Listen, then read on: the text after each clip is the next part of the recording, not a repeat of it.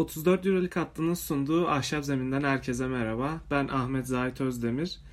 Ee, Ahşap Zemin yeni bir programımız olacak. Her salı yayınlayacağımız. Ee, ilk programda e, şundan bahsetmem gerekirse neler konuşacağız Ahşap Zemin'de.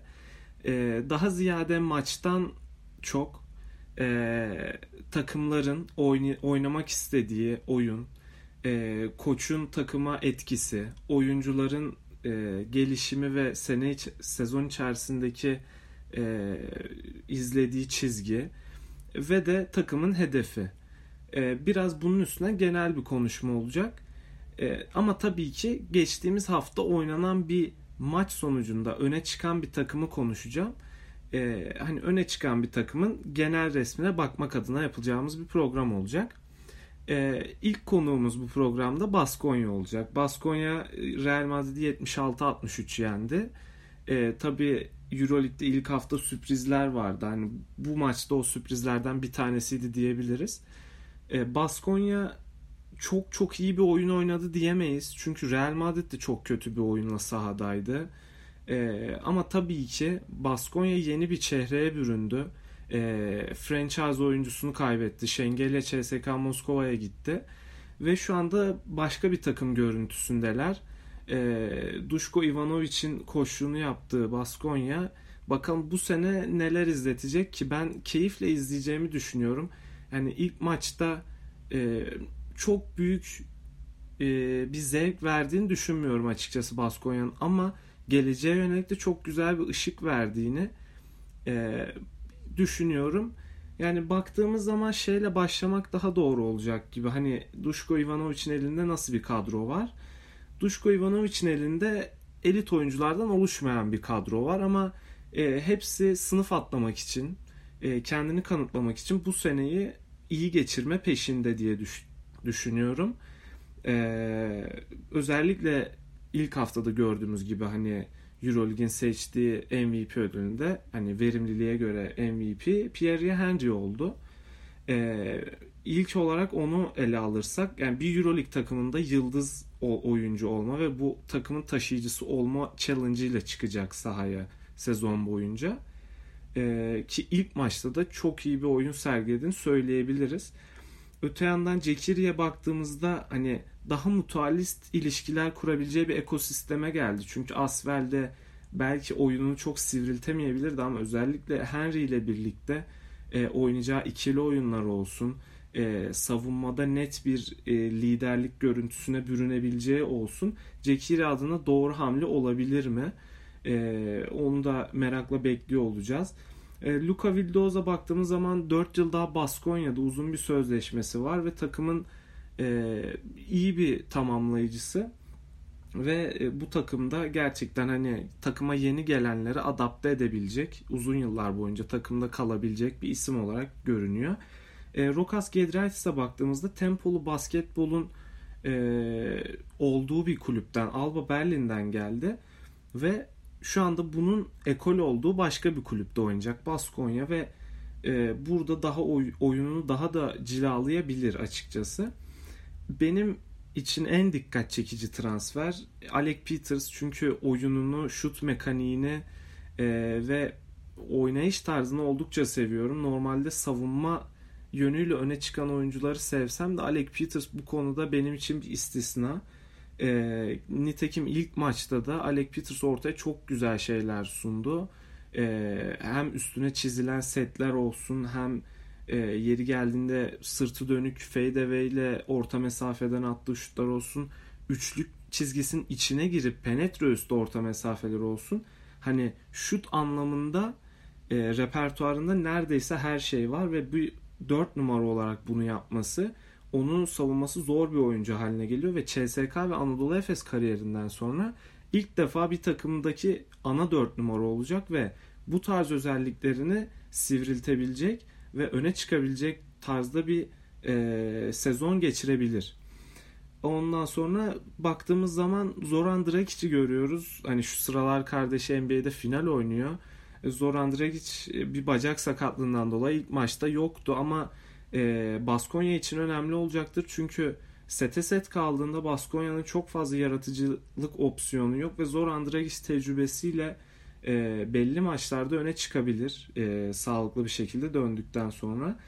Son olarak e, ana rotasyonun bana göre ana rotasyonun son parçası olan Polonara. E, Polonara e, e, nitekim şeye göre Peters'a göre çok da bir şey vaat etmiyor ama ilk maçta rebound katkısıyla olsun e, belli pozisyonlarda bitiriciliğiyle olsun e, önemli bir oyuncu olabilir. En azından rotasyonda Peters'ı yedeklemesi açısından. Ama dış dış şut istikrarının olmaması ve savunmada pozisyon bilgisinin e, aşağı seviyede kalması bana göre onun eksi yanları olarak görünüyor. E, İlimane Diop ve Yusuf Afal için de kısaca bahsedeyim. İkisi de e, çok da böyle ümit veren oyuncular değil bana kalırsa. Özellikle Yusuf Afal çok ağır kalıyor. Uzun boyuyla belki belli maçlarda ön plana çıkabilecek olsa da çok e, pozisyon bilgisini ve basketbol IQ'sunun yüksek olduğunu düşünmüyorum. İlimane Diop da zaten yıllardır bu sıkıntıyı görüyoruz ve bazen fizik problemiyle de birleşiyor. Ama şutunun olması onu e, belli rotasyon dakikalarında değerli kılabilir. E, genel olarak kadroyu incelemek istedim çünkü ilk program sezonun başı hani Baskonya bu sezon bize neler izletir e, oyuncu oyuncu biraz bahsetmek istedim.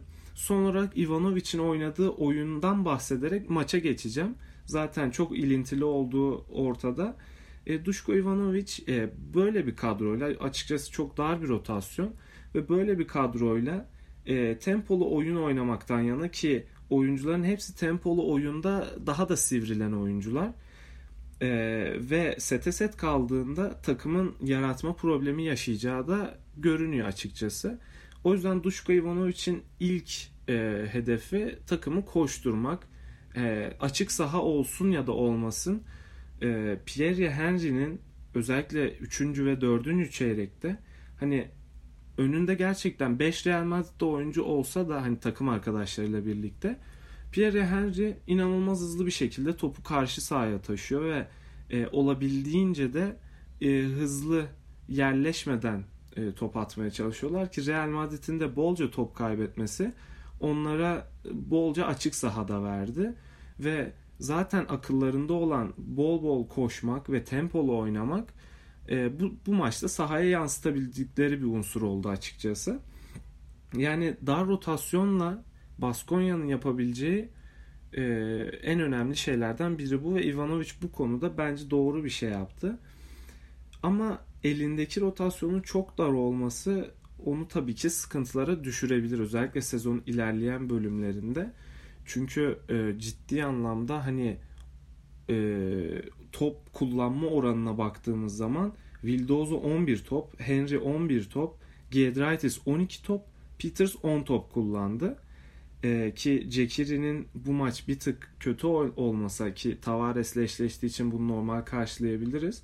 Ee, bu 4 oyuncu az önce saydığım 4 oyuncu 44 top kullandı ve Baskonya toplamda 57 şut kullandı. Hani 57 şutun 44'ünün takımın 4 oyuncusuna sıkışması e, açıkçası çok ideal bir durum değil ve bu Baskonya'ya sorun çıkartacaktır zaman zaman ki sahayı hızlı geçmesinden bahsettik ve e, baktığımız zaman sete sette de çok e, e, Real Madrid kısalarının Henry ve Vildoza'ya karşı çok baskılı olmadığını düşünüyorum.